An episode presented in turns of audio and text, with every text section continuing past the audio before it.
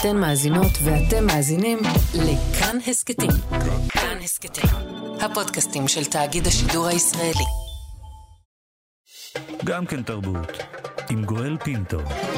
הוא אחד מהמנצחים והפסנתרנים הגדולים והחשובים בהיסטוריה. הוא נולד בבואנוס איירס ובגיל עשר יחד עם משפחתו עלה לישראל.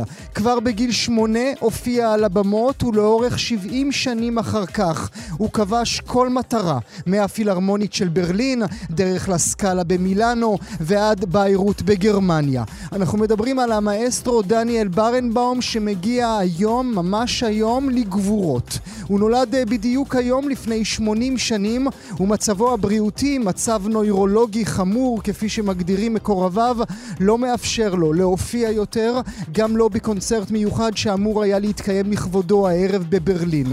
ננסה בשעה הקרובה לתת כותרת לגדולתו, וננוע בין תחנות חייו. נדבר על אהבת חייו, הצ'לנית ז'קלין דופרה, לה נישא ברחבת הכותל המערבי בירושלים, ושמתה בגיל 42.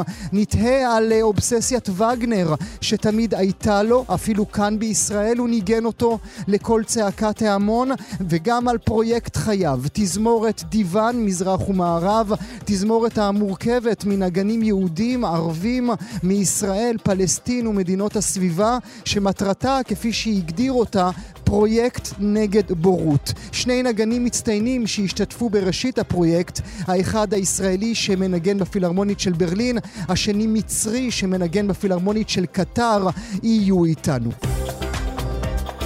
גם כן תרבות. דניאל ברנבאום, מגדולי המנצחים והפסנתרנים בעולם המוסיקה הקלאסית, מגיע היום לגבורות. ברנבאום, שזכה בכל עיטורי הכבוד האפשריים, מאביר מסדר האימפריה הבריטית ועד חבר ליגיון הכבוד הצרפתי, נולד היום לפני 80 שנים בבואנוס איירס, ארגנטינה, לשני הורים יהודים שהיו מורים לפסנתר. כבר בגיל שמונה הוא עלה אל הבמה והעניק את רסיטל הפסנתר הראשון שלו. הוא ניגן את הקונצ'רטו לפסנתר של מוצרט. מוצרט מספר 23. שני מבקרי מוסיקה ישבו אז בקהל והאזינו לילד הצעיר. למחרת היום האחד כתב בביקורתו שמאז מוצרט לא התגלה כישרון כזה, השני טען שהילד חסר כישרון לחלוטין. כשהיה בן עשר עלתה משפחת ברנבום לישראל ודניאל נשלח ללמוד בבית החינוך על שם אדה גורדון בתל אביב ובתיכון חדש. אביו, שביקש לחשל אותו לארץ החדשה ומתוך רצון שלא יתעסק מתעסק רק במוסיקה, שלח אותו ללמוד אגרוף. אבל זה לא עצר את הכישרון הגדול, ותוך זמן קצר הוא החל להופיע כפסנתרן ברחבי העולם. הנה, האזינו לברנבאום כשהוא בן 12 בלבד, מפליע לפסנתר.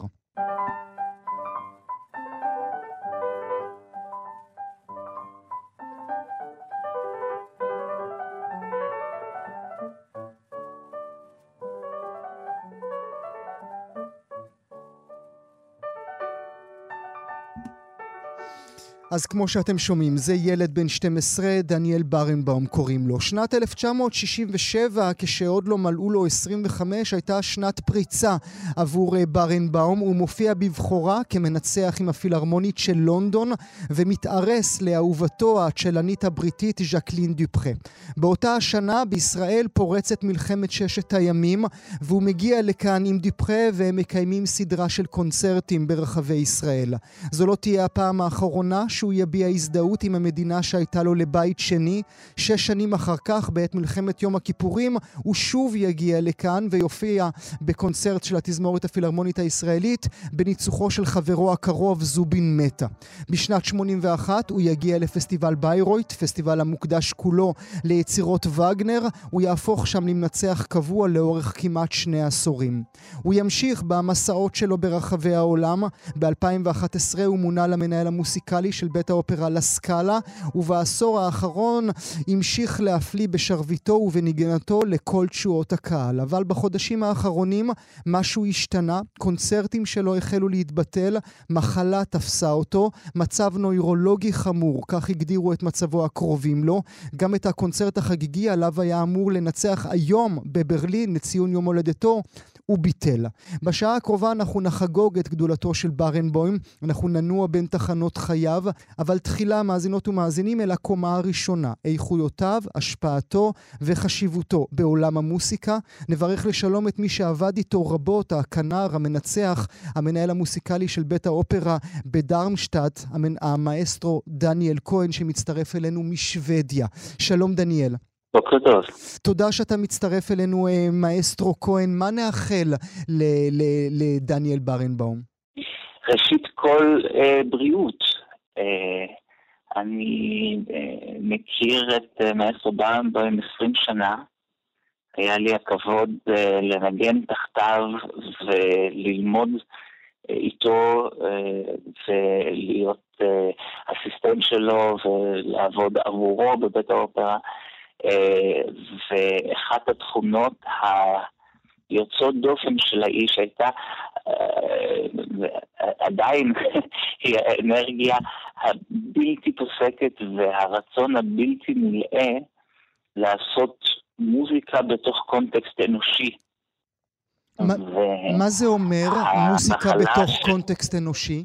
זה אומר, זאת אומרת, לוז שהוא אה, לא היה מבייש אה, נשיא ארצות הברית, אבל אה, תמיד עשייה מוזיקלית בתוך קונטקסט של חשיבות של המוזיקה שהוא עושה עבור החברה שבה הוא נמצא. Mm-hmm. אם זה וגנר ציירויד, אם זה הדיוון מזרח מערב, אם זה הקונצרטים הבלתי נשכחים שלו פה בארץ, אם זה הקונצרטים הרסיטליים שלו אה, בברלין, אה, החשיבות של עשייה מוזיקלית עבור הקהל, עבור אנשים שבאים להאזין למוזיקה, הייתה בשבילו אה, כוח בלתי פוסק. וה... מחלה שתקפה אותו אה, ומשתקת את הקול אה, המוזיקלי שלו כרגע היא אה, מחיר מאוד מאוד כבד כמובן לשלם. אני רוצה שנדבר ברשותך על המפגש שלכם ואיך היה המפגש הזה בין אה, מורה לתלמיד, אבל עוד לפני כן אני חושב שחשוב שנשים על השולחן את העובדה שמדובר באיש מאוד מצחיק, אפילו ברמה של שטוטניק. כן, בלי שום ספק. אחד, אחד האנשים עם אה, חוש הומור הכי מפותח ש, שיצא לי להתקל בהם.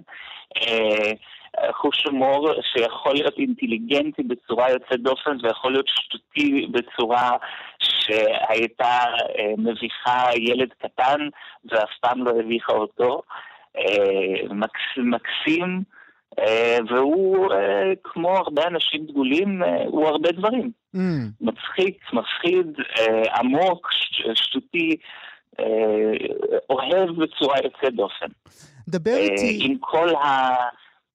כן? דבר איתי על המפחיד שציינת עכשיו. איך זה לעמוד מול איקון שכזה?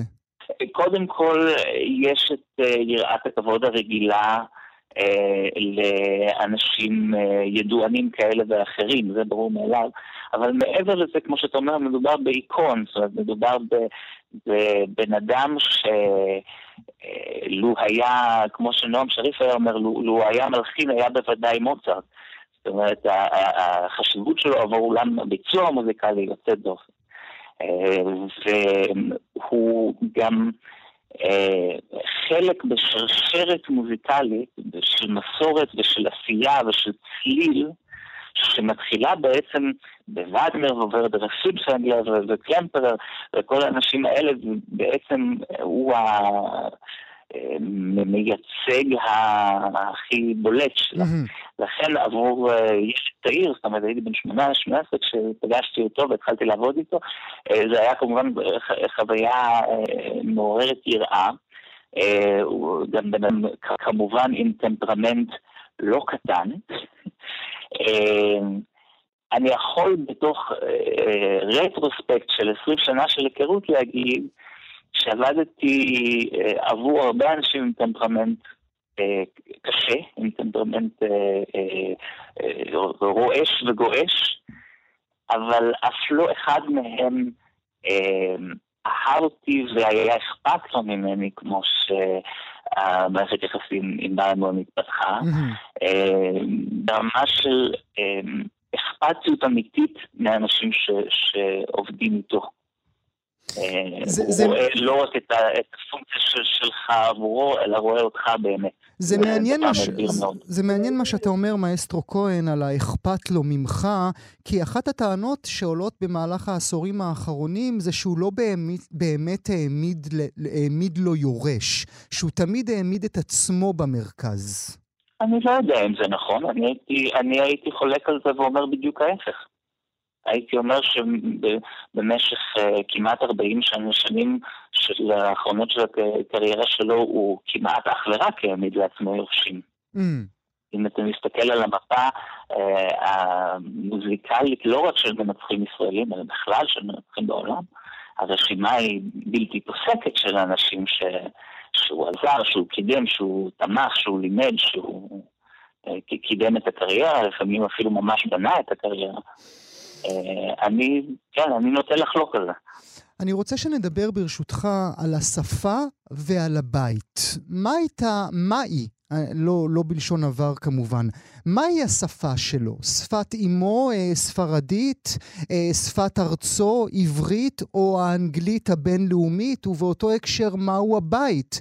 האם הבית שלו זה בואנוס איירס? האם הוא תל אביב? האם הוא ברלין? אני לא יכול... יכול לענות בתור אה, דובר, אבל אני כן יכול לספר אנקדוטה קטנה שאולי תבהיר את עניין השפה. Uh, כשהיינו, כשניגנתי בתזמורת הדיבן מזרח מערב, הייתי חלק מקבוצה קטנה של uh, נגנים שהייתה נוסעת איתו למסיבות עיתונאים ועושה רעיונות בכל מיני, בכל העולם, בכל מיני קונצרטים כאלה ואחרים. וזה כלל אה, טיסות במטוסים פרטיים ומסיבות מעניינות וכל דברים כאלה שכמובן לישראל היו מאוד מרתקות. בין היתר נסיעה בטורקיה במונית אה, עם מאסטרו שהיה במצב רוח מזופת אה, במיוחד, הוא היה מאוד נרגז. ושאלתי אותו מה, מה קורה, מה שלמה, למה, למה הוא במצב רוח כל כך רע, והוא אמר, אתה יכול לדמיין את זה שאנשים סביבך מדברים ואתה לא מבין את השפה שלהם? אומר, כן, ככה אני מרגיש רוב הזמן כשאני מסתובב בעולם. זה, ש, זה שאתה מדבר צרפתית בצרפת וספרדית בספרד וגרמנית בגרמניה ורוסית ברוסיה, זה יוצא דופן. רוב, רוב אנחנו בני התמותה מרגישים כך רוב הזמן. כך שהוא היה, אה, היכולת של, של, אה, של באמן עם שפות היא יוצאת דופן. הייתי אומר שהשפה העיקרית היא שפה מוזיקלית, mm. שדרכה הוא, הוא יוצר את כל השפות האחרות. אה, ואת הכישרון שלו בשפות הוא מנתב להבנה של, של הטקסט המוזיקלי. ולגבי בית, זו שאלה מאוד מורכבת עבור אנשים אה, שחיים את חייהם ביותר ממרכז אחד. אני אה, קטונתי מלהשוות את חיי לחייו, אבל אפילו אני שצעיר ממנו בכמה וכמה שנים, אה, זה, השאלה היא של איפה הבית, היא שאלה מאוד מאוד מורכבת. אני יכול להגיד שהלב שלו תמיד היה בישראל, mm. וכל פעם, ש, פעם שדיברתי איתו, הלב שלו תמיד שאל ורצה, ו... ואפילו בשיחותינו האחרונות הוא עדיין שואל ורוצה, ו... מתעניין mm-hmm. וכואב את הכאב של הארץ שלנו. Mm-hmm. כן, הכאב אה, תמיד היה חלק. מעבר לזה, זו, שאלה ש... שיש לשאול אותו באופן אישי, כי אני לא כל כך mm-hmm. יכול לענות עליה. הלוואי אה, ויכולנו. אולי נסיים, ברשותך, אה, מאסטרו כהן, ואשאל אותך, בעיניך, כותרת אחת, מהי תרומתו של ברנבאום באמת להיסטוריה של המוסיקה הקלאסית? אה, וואו. הייתי אומר, אם תרשה לי לתת תשובה כפולה, בבקשה. אה, הייתי מחלק אותה לתרומה שלו בתור מוזיקאי, אה, שקשורה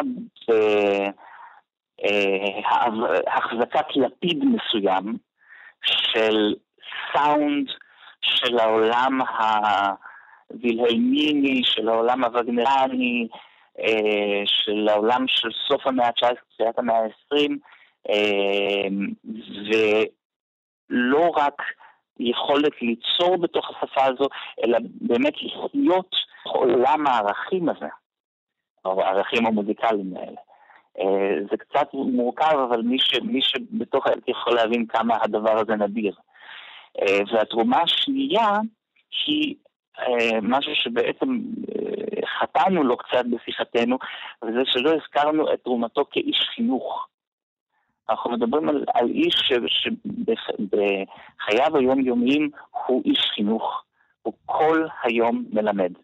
אה, מול התזמורת, את האסיסטנטים שלו, את הזמרים באופרה שלו, אבל גם באמת יוצר פרויקטים של חינוך. אם אנחנו מדברים על תזמורת הדן מזרח מערב, אה, שבמשך למעלה מ-20 שנה mm-hmm. מחנכת גם, גם, כמו שאתה אומר, כן. לערכים שנוגדים את הבורות, אבל גם לערכים מוזיקליים מאוד מאוד נוקבים, mm-hmm. וגם את ה, אה, אה, אה, בית הספר שלו, שברבם סעיד, האקדמיה בברלין, ששם הוא ממש בנה בית ספר שבו לומדים גם מוזיקה ברמה הכי גבוהה שאפשר לתאר, אבל גם באמת ערכים הומניים, היסטוריה, פילוסופיה, תרבות, תיאטרון, אופרה, וכל הדברים האלה. הייתי אומר כן, גם, גם כיוצר וגם כאיש חינוך. אלה שני הדברים המרכזיים. נודה לך מאוד על השיחה הזו, מאסטרו דניאל כהן, תודה שהצטרפת אלינו משוודיה, תודה שהיית איתנו הבוקר. אנחנו ניקח אתכם עכשיו אל מוצאי השבת, השבעה ביולי 2001. המקום, בנייני האומה בירושלים. האירוע, קונצרט של התזמורת הממלכתית של ברלין במסגרת פסטיבל ישראל. המנצח, דניאל ברנבוים. היצירות שמנוגנות על הבמה, פולחן האביב של סטרווינסקי והסימפוניה הרביעית של שומאן. עם סיום הקונצרט ואפילו ניגון של הדרן, פונה המנצח דניאל ברנבוים בעברית אל הקהל היושב בכיסאות ואומר להם כי בידי חברי התזמורת התווים ליצירה של וגנר. רחש עולה בקהל. ברנבאום מציע לקהל עסקה. מי שרוצה יישאר, מי שלא מעוניין לשמוע את וגנר מוזמן לעזוב. הקהל רועש וגועש, הוויכוח באולם נמשך זמן רב. רבים צועקים למנצח ולתזמורת, לכו הביתה. אחרים שתומכים בנגינת וגנר עונים להם בצעקות, אתם פשיסטים. ברנבאום לא מוותר, וכשנדמה לו שהוויכוח לא ייגמר, הוא מרים את שרביט המנצחים, וצליליו של וגנר נשמעים בהיכל בירושלים. נדבר ברגע המשמעותי הזה, ההיסטורי, התרבותי, אבל נאמר קודם לכן, מאזינות ומאזינים, גם אנחנו לא נשמיע לכם את הרגעים ההם, גם אצלנו. בתאגיד השידור הישראלי, וגנר אסור להשמעה. אבל כן נשמיע לכם דברים שאמר אז ברנבאום, כשהוא מסביר מדוע בעיניו כן חשוב להשמיע את המלחין בישראל.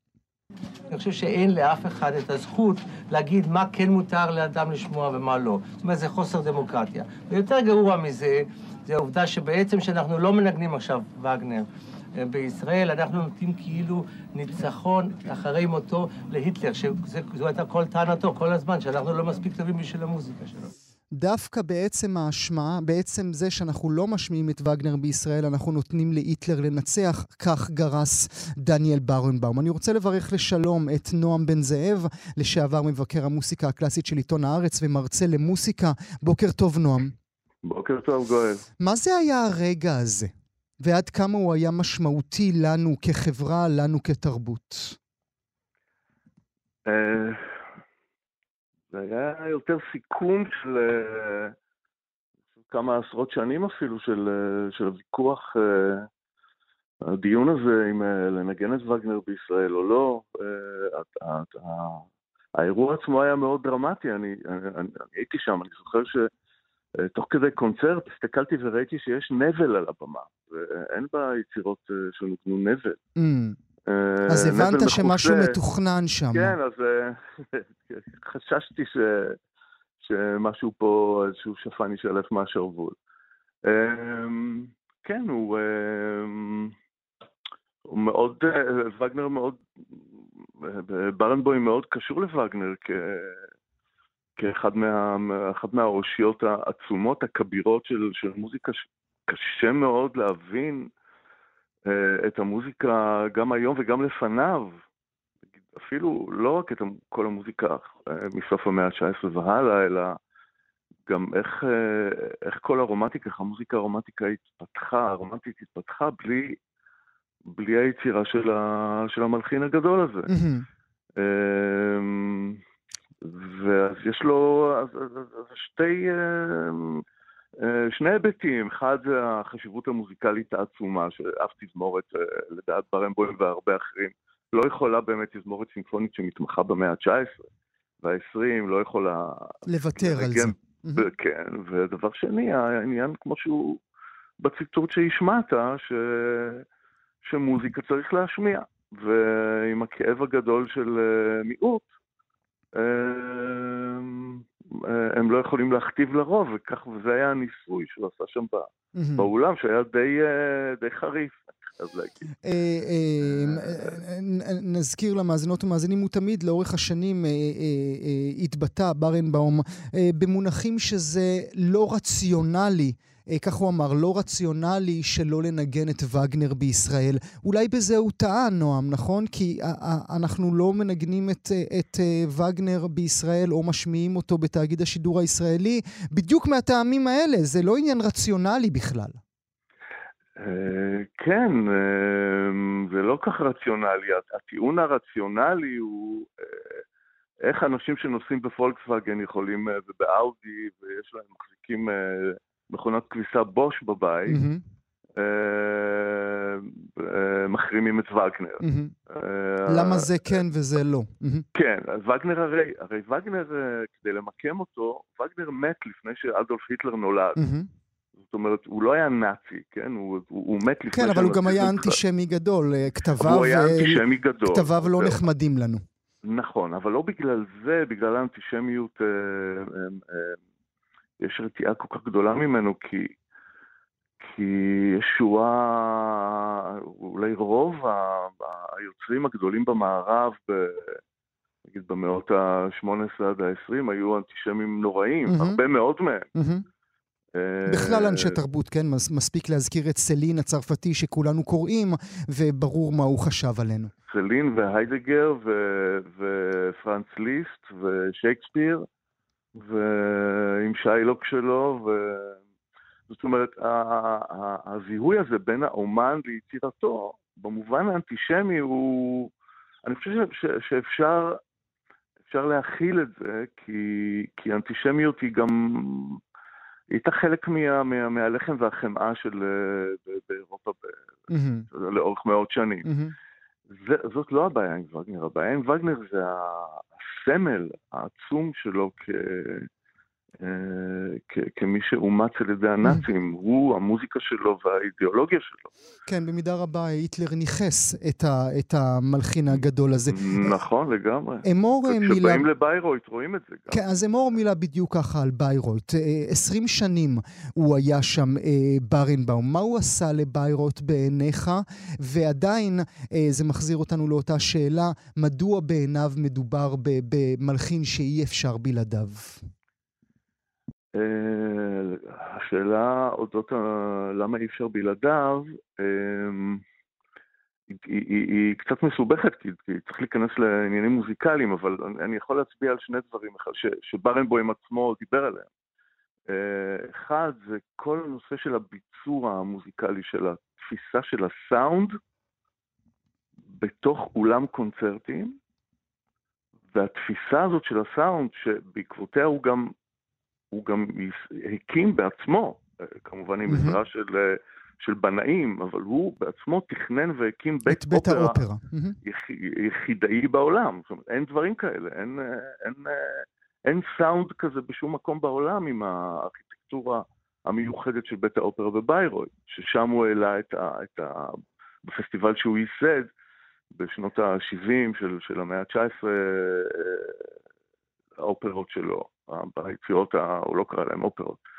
אמ, והדבר הזה משפיע, השפיע לאורך הרבה זמן אחריו, זאת אומרת, אנשים ביצעו את, את, את כל המוזיקה של המאה ה-19, כולל, כולל שוברט ובייטהובן המוקדמים במאה ה-19, תחת הצל העצום הזה של תפיסת הסאונד הזאת, של ה...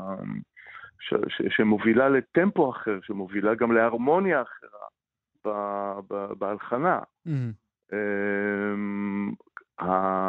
אחת הטכניקות שהוא, בשתי מילים אני אסביר, שהוא, שהוא שכלל זה מה שהוא קרא לו לייטמוטיב, זאת אומרת אה, שיקוף ש...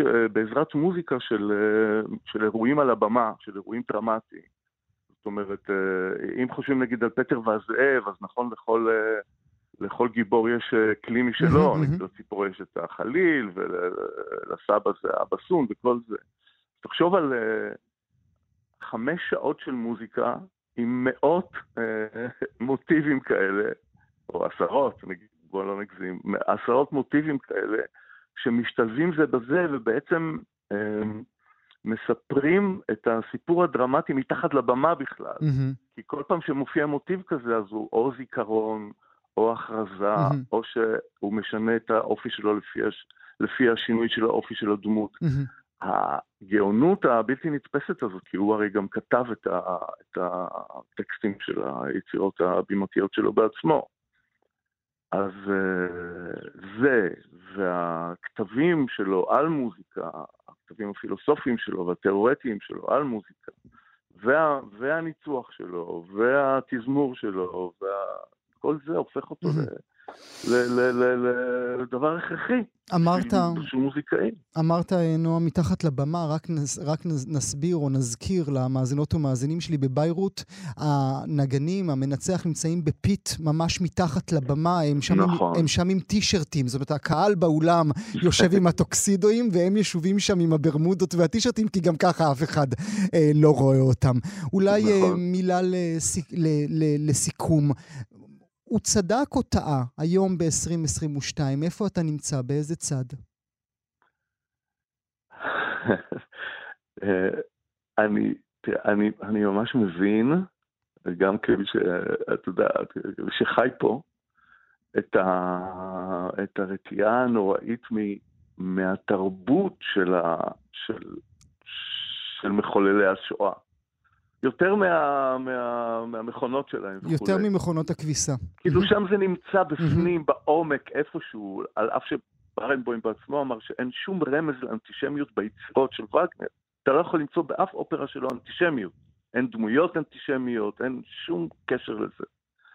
אבל בגרנדר הזה, בבומבסטיות, בהישענות על, על, על המיתולוגיות העתיקות הטבטוניות, על דם, אש ותמרות עשן, המחשבה על, על מוזיקת העתיד, כל האלמנטים הרומנטיים האלה שהם, שהם פשיסטיים, mm-hmm. נמצאים ב, ב, במוזיקה ולכן, אה, זאת אומרת, ביצירה, הם עפים סביב היצירה, לא בתווים. תווים לא יכולים להיות פשיסטים, mm-hmm. צלילים לא יכולים להיות נאצים. Mm-hmm. אבל ברעיונות האלה, ברעיונות שלו, יחד עם שם. האנטישמיות, mm-hmm. הם שם, ולכן הרתיעה גדולה, ולכן, אני לא יודע, זה, הוא, הוא לא מושמק, אין כי, אולי בתאגיד יש עליו חרם רשמי, אבל אין חרם באמת נכון. על וגנר, פשוט אנשים לא מוכנים לשמוע אותו פה. הדברים האלה אולי עומדים להשתנות עם השנים הקרובות. אה, נדבר גם על כך בעתיד. אני רוצה להודות לך מאוד על השיחה הזאת, אה, נועם בן זאב. תודה שהיית איתי הבוקר. נדבר עכשיו על אהבה. שניהם היו ילדי פלא, עליו כבר סיפרנו, אבל גם היא, ז'קלין דופחה, התאהבה כבר בגיל צעיר בצ'לו, הכלי שיהפוך אותה לאחת מאושיות המוסיקה הקלאסית החשובות בהיסטוריה. הם נפגשו בדצמבר 1966, חצי שנה אחר כך היא תתגייר עבורו, למרות שהיא באה ממשפחה פרוטסטנטית, והם יינשאו ברחבת הכותל המערבי. בירושלים.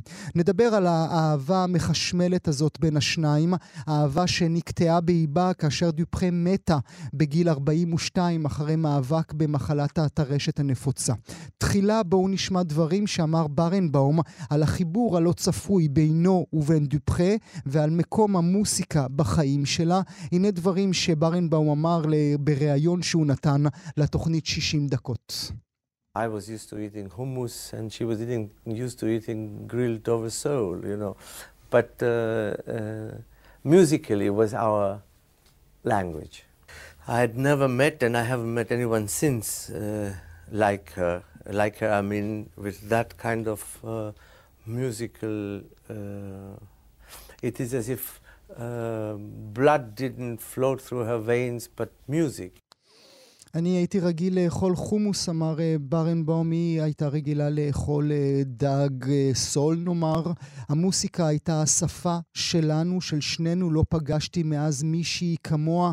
המוסיקה אה, לא זרמה בעורקיה, אה, המוסיקה זרמה בעורקיה ולא דם. נברך לשלום עכשיו את הצ'לנית שלנו, המופלאה, קרני פוסטל. בוקר טוב לך. בוקר טוב, גואל. תודה רבה שאת נמצאת איתנו הבוקר. בשמחה. אמרי משהו עליה לפני שנאמר משהו על האהבה שלה לכלי, לפני שנאמר משהו על האהבה שלה אליו, לפני שנאמר משהו על. כיצד האהבה השפיעה על המוסיקה שלו. אני חושבת שז'קלין לפרה היא, תראה, היו הרבה, יש הרבה צ'לנים טובים, לפחות ברמתה מבחינת הפנומנליות המוזיקליות שלה, כן? היא לא המציאה איזה משהו מאוד שונה, איזה משהו איקוני שאפשר להגיד שהיא הייתה צ'לנית טובה בהיסטוריה, אחת הטובות בהיסטוריה, כן? אבל, קודם כל במפגש ביניהם יש איזה משהו מאוד מחשמל.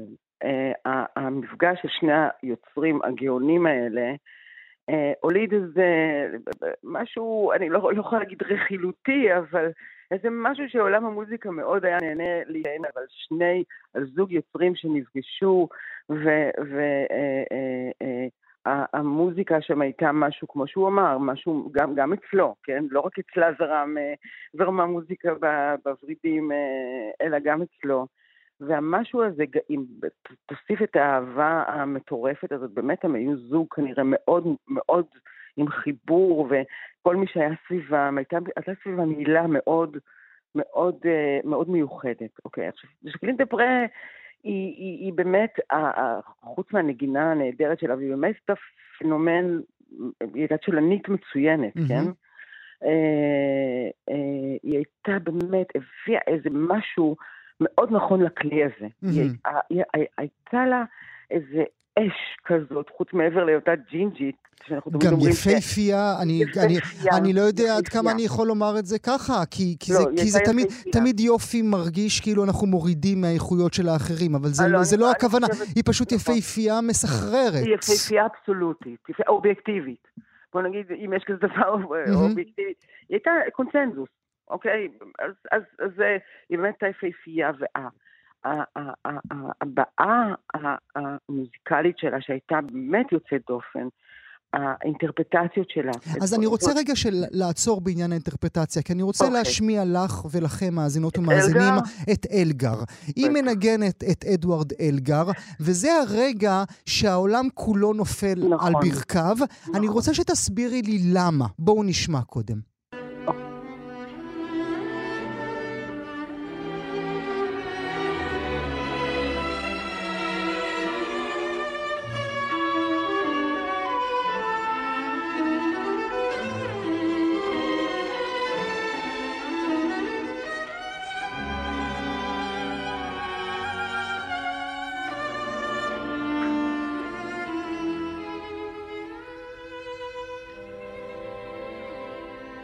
אני פשוט שלולית. צ'לו זה לא, הדבר... לא, אני גם, זה, אני בוכה. זה, זה פשוט להשתגע, להשתגע שאני... להשתגע. מה? מה, מה תראה, ברגע קודם הזה? כל, קודם כל, קודם כל, תראה, קודם כל זאת יצירה באמת מדהימה, והיא היא, היא העלתה את אותה על, היא העלתה אותה על סדר היום, היא לקחה... עכשיו תראה, מה, מה קורה פה? יש תווים, אוקיי? יש תווים, יש תווים, ומעבר לזה, במאה ה-19, מתי שהיצירה הזאת נכתבה, יש גם הוראות כבר, זה לא כמו באך שאין אין כל כך mm-hmm. הוראות בתווים, לא, לא לטמפו, יש אלגרו, גם לא, אצל באך גם לא היה את זה, אבל זאת אומרת, אין, אין הוראות מדויקות לתפעול, אוקיי? עכשיו, אצל, אצל אלגר כבר היו, זאת אומרת, מה נגן יכול לעשות? כתוב לו מתי להעיק. כתוב לו מתי למהר, כתוב, כתובה לו בערך המהירות שבה הוא צריך לרגן. אין לו הרבה חופש בחירה, ועדיין, עדיין היא לקחה את היצירה הזאת ומתחה את הגבולות, Mm. מתחה את הגבולות. היא היא האטה מאוד, כשהיה צריך להאט מאוד. היא מתחה כל אה, פסוק מוזיקלי לגבולות הרומנטיים שהיא הייתה יכולה למתוח אותם. ולכן משהו בביצוע שלה, הוא, הוא, הוא, הוא כל הזמן כמעט מתפוצץ. ה- אוקיי, צריך להאיט פה בפסוק הזה והזה, אז היא את הכי הרבה שאפשר. צריך לעשות גליסנדו, אז היא לקחה את הגליסנדו הכי איטי אומרת, היא מתחה את, במיוחד אומרת הגבולות הרומנטיים, מכיוון שהסירה הזאת נכתבה בתקופה הרומנטית, שבה הייתה האקספרסיביות, זה נורא מתאים לה, כי האקספרסיביות הייתה שם המשחק. עכשיו, היא ידעה לעשות את זה, איכשהו היא לקחה את היצירה הזאת, עשתה את זה בצורה מופלאה, את, ובלתי ניתנת לחזרתיות, אומרת, היא הייתה מקורית בצורה לא מובנת. את, ב, את, אם את מרשה לי במובן אישי, מרשה לעצמך אחריה לנגר, לנגן את אלגר, או ש, חושבת- שזה אני- תו תקן כן. שאי אפשר לגעת לא, בו? אני, לא, אני ניגנתי את אלגר ברסיטל שלי באקדמיה, זאת אומרת, אני חושבת ש- ש- ש- שאין אין בן אדם שלא יעז לגעת, וזאת לא פרה קדושה. Mm, אבל, אבל היא תמיד תהיה איזה מין אייקון ב, ב, ב, ב, ב, ב, בכל מה שקשור ליצירה. זאת אומרת, הם כן מבצעים אותה, מבצעים Mhm. אותה בכל העולם, וגם גם היום, אבל יש איזה משהו שתמיד היא תהיה איזה מין מושא להשוואה. מהמם. אז בואי, אז, אז המושא להשוואה, בואי נדבר, ושוב אני אומר את זה בעדינות, אני מרשה לעצמי להגיד את זה לך.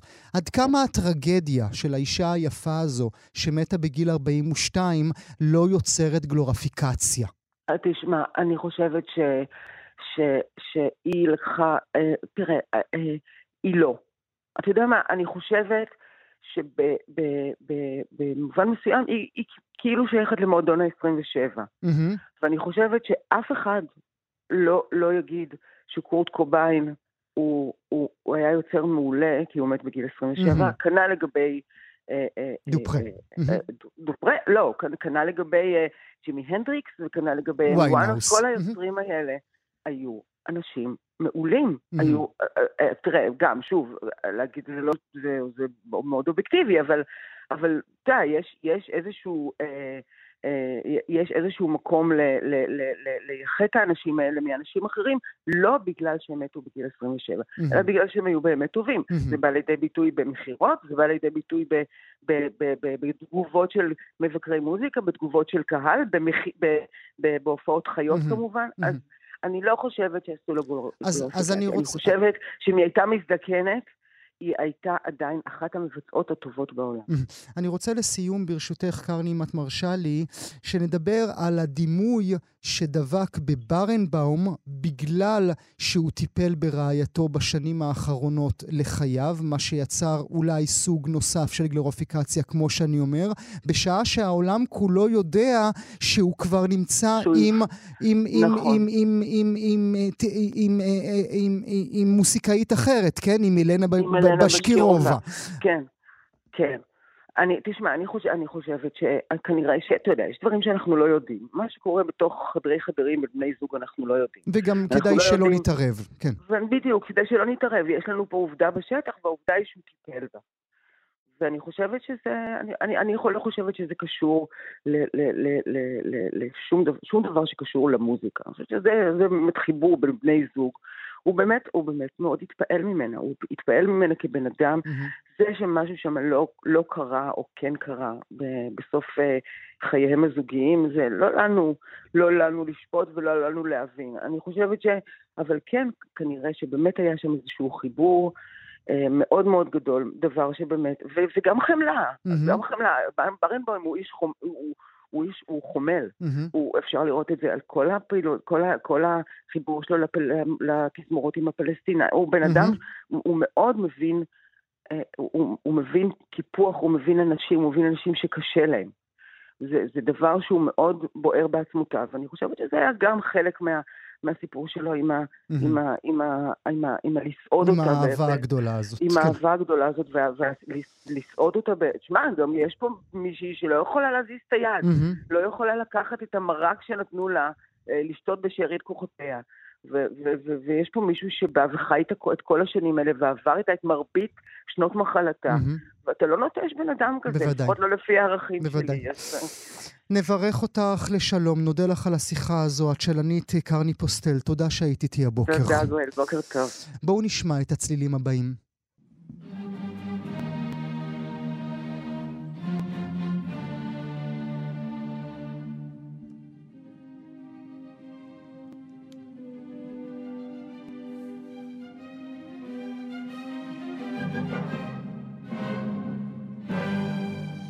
הצלילים היפים האלה הם אה, כמובן החמישית של בטהובן, זיהיתם, אה, ומי שמנגנים הם תזמורת דיוון מזרח ומערב. זה פרויקט חייו של ברנבאום, פרויקט שהוא הקים יחד עם חברו, חוקר הספרות הפלסטיני אדוארד סעיד. תזמורת דיוון מזרח ומערב נוסדה ב-1999, והיא הוכרזה, כמו שברנבאום בעצמו אמר, כפרויקט נגד בורות.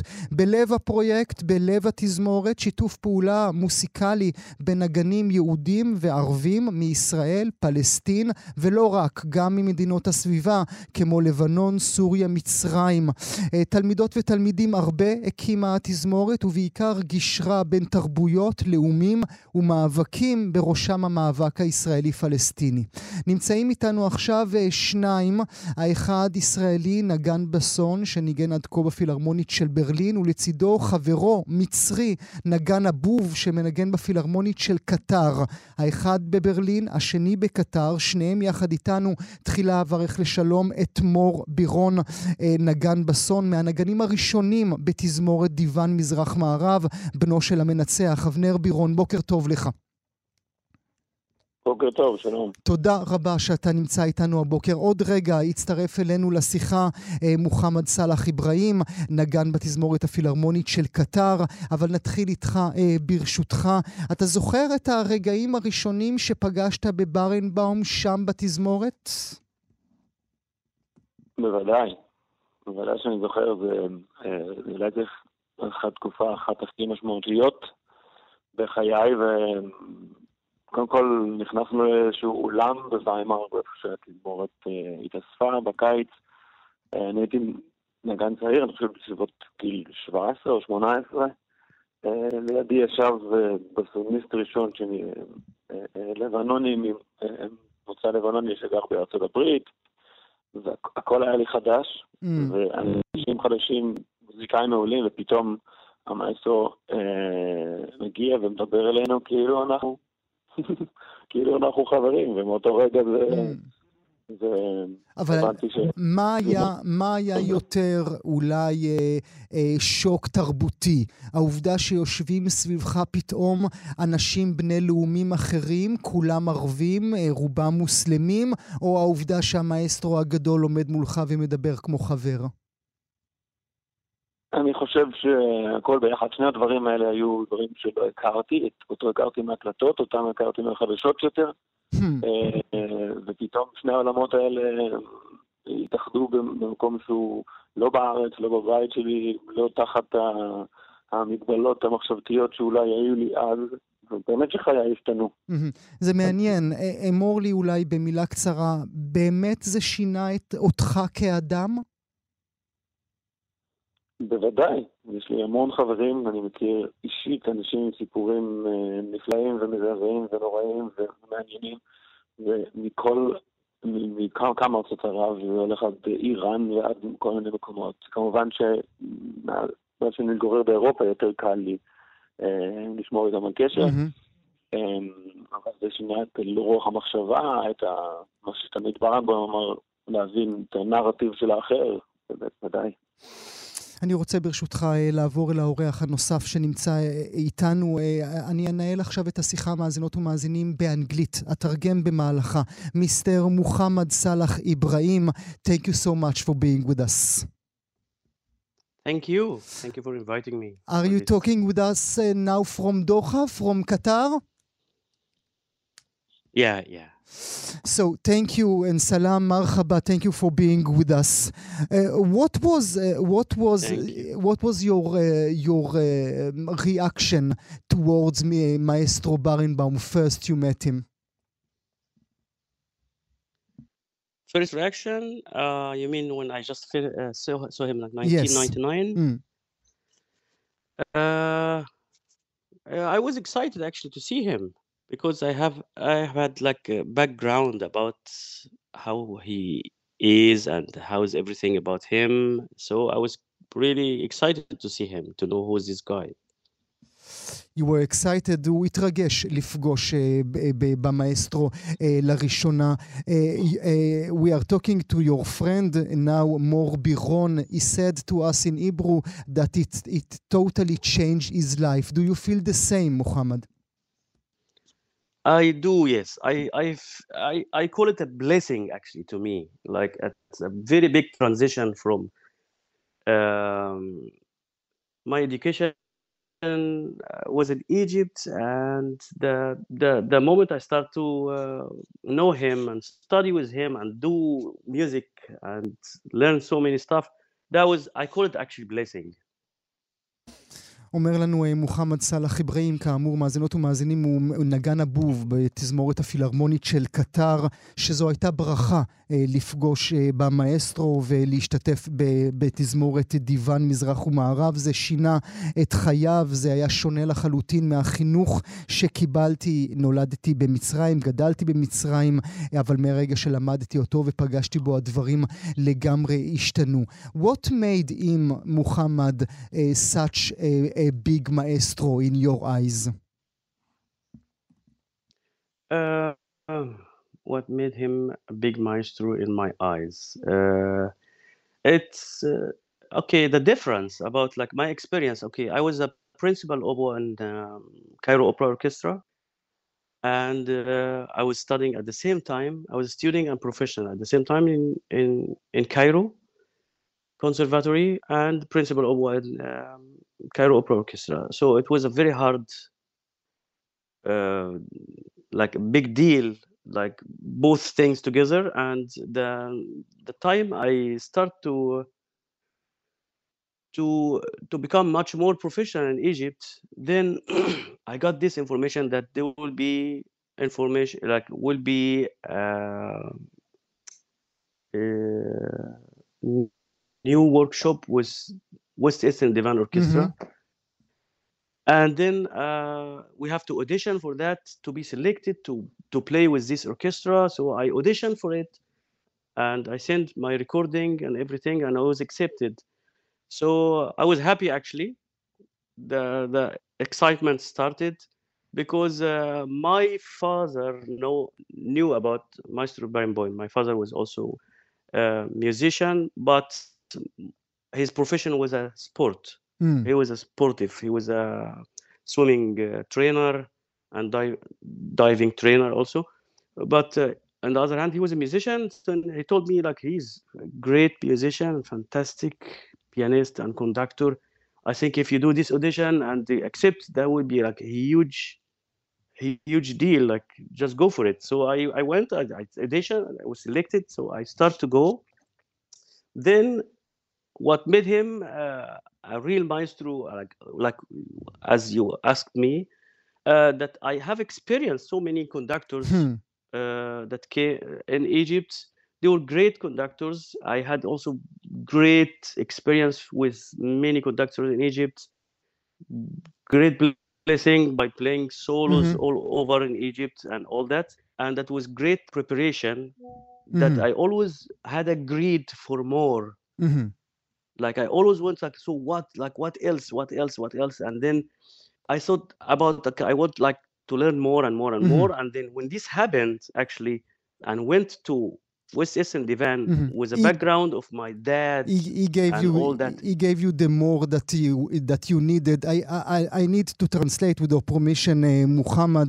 מספר לנו מוחמד uh, uh, סאלח אברהים על כך שהוא uh, היה נגן בפילהרמונית של קהיר, עוד טרם היה חלק מלהקת דיוון מזרח ומערב, uh, עשה אודישן, התקבל. אבא שלו uh, ידע על קיומו של ברונבאום ודחף אותו ללכת uh, להשתתף שם בסדנה. הוא אמר לו, הוא גדול, הוא מנצח, הוא פסנתרן מאוד uh, מפורסם. הכרתי מנצחים רבים, אומר לנו מוחמד uh, סאלח, אבל זה תמיד רציתי יותר, וברנבום הוא היה יותר שהייתי צריך. אולי מילה לסיום שלך, מור, לצערי יש לנו עוד 20 שניות עד החדשות. החיבור הזה בין יהודים וערבים, האם זה ניסיון שצלח בעיניך, או שזה היה רק אה, מבחן שהמציאות בסוף ניצחה? בתוקף המקום שבו ניגענו בתזמורת, זה, זה לא רק צלח, זה מצליח, וזה, כולם אנשים, אף אחד לא, לא שונה מהשני, אף אחד לא מיוחד, אף אחד לא יותר או פחות. אה, המוזיקה קירבה בין כולנו, ואחרי המוזיקה שתינו ביחד ואכלנו ביחד, ובילינו ביחד, וזה לא הפסיק עד היום. ואני חושב שזה... אה, הקונפליקט הוא לא של האנשים, יותר של הפוליטיקה. הקונפליקט הוא לא של האנשים, אלא של הפוליטיקה. אני רוצה מאוד להודות לך, מור בירון and מיסטר מוחמד סאלח אברהים. Thank you both. Thank you so much for being with us. Thank you, thank you so much. גם כן תרבות. ראשון עד רביעי בין תשע לאחת עשרה. רק בכאן תרבות. אתן מאזינות ואתם מאזינים לכאן הסכתים. כאן הסכתים, הפודקאסטים של תאגיד השידור הישראלי.